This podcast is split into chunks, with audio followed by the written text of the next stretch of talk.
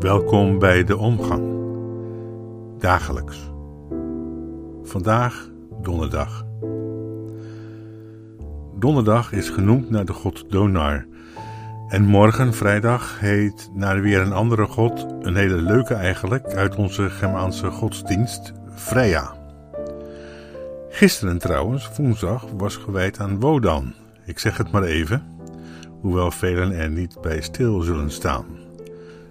Dat is lastig, want als je daar niet bij stilstaat, krijg je enorme spraakverwarringen. En die zijn er dan ook. Als ik u vraag: houdt u van het weer? Dan zult u mij antwoorden: dat hangt er vanaf welk weer u bedoelt: zonnig en warm of kil en nat. Welk weer wordt bedoeld?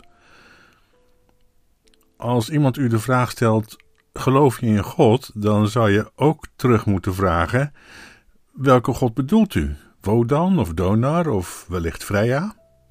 Of bedoelt u soms die God die met een lange baard zich hoog boven de wolken bevindt, die almachtig is en alles bestuurt, want dan heeft u het over Zeus? Welke God bedoelt u?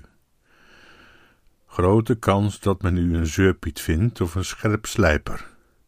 Er is toch maar één God, zal men uw kant op snauwen? Ja, ja, er is maar één God. En wat doet die ene God dan? Maakt die de rijken rijk en de armen arm? Zorgt hij voor de herverkiezing van Trump? Want Trump rekent erop hoor. Stuurt die God virussen op ons af? Straft die God de mensheid met corona?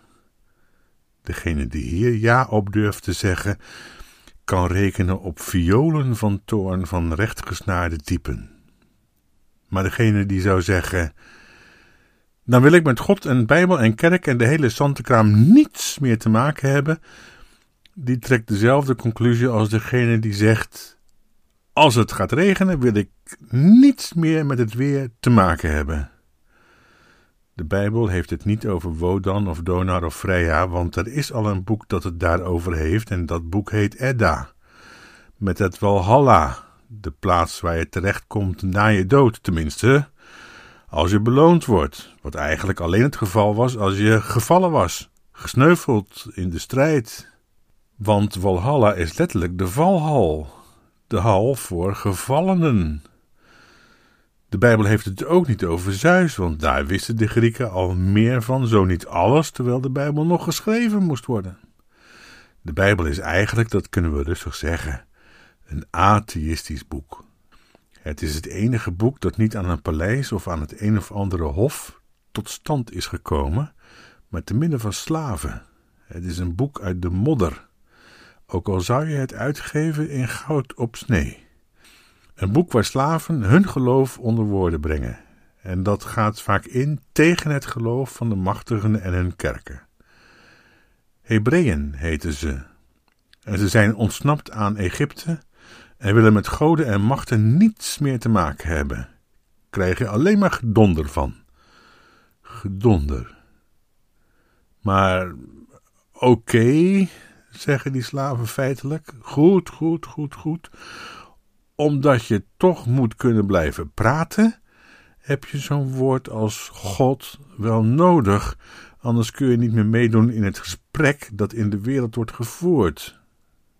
Om het over regen of zonneschijn te kunnen hebben, is een woord als weer misschien wel handig of zelfs noodzakelijk.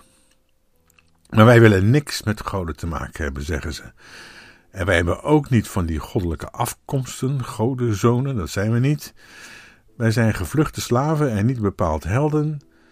Maar er was toch iets dat ons blijkbaar de moed gaf om ons te verzetten tegen Farao en tegen al die onzin. En dat, dat wat ons de moed gaf om te gaan staan, dat willen wij dan wel God noemen. Ja. En al het andere, hou op alsjeblieft. Daar krijg je alleen maar heibel mee, geduvel en gedonderjaag.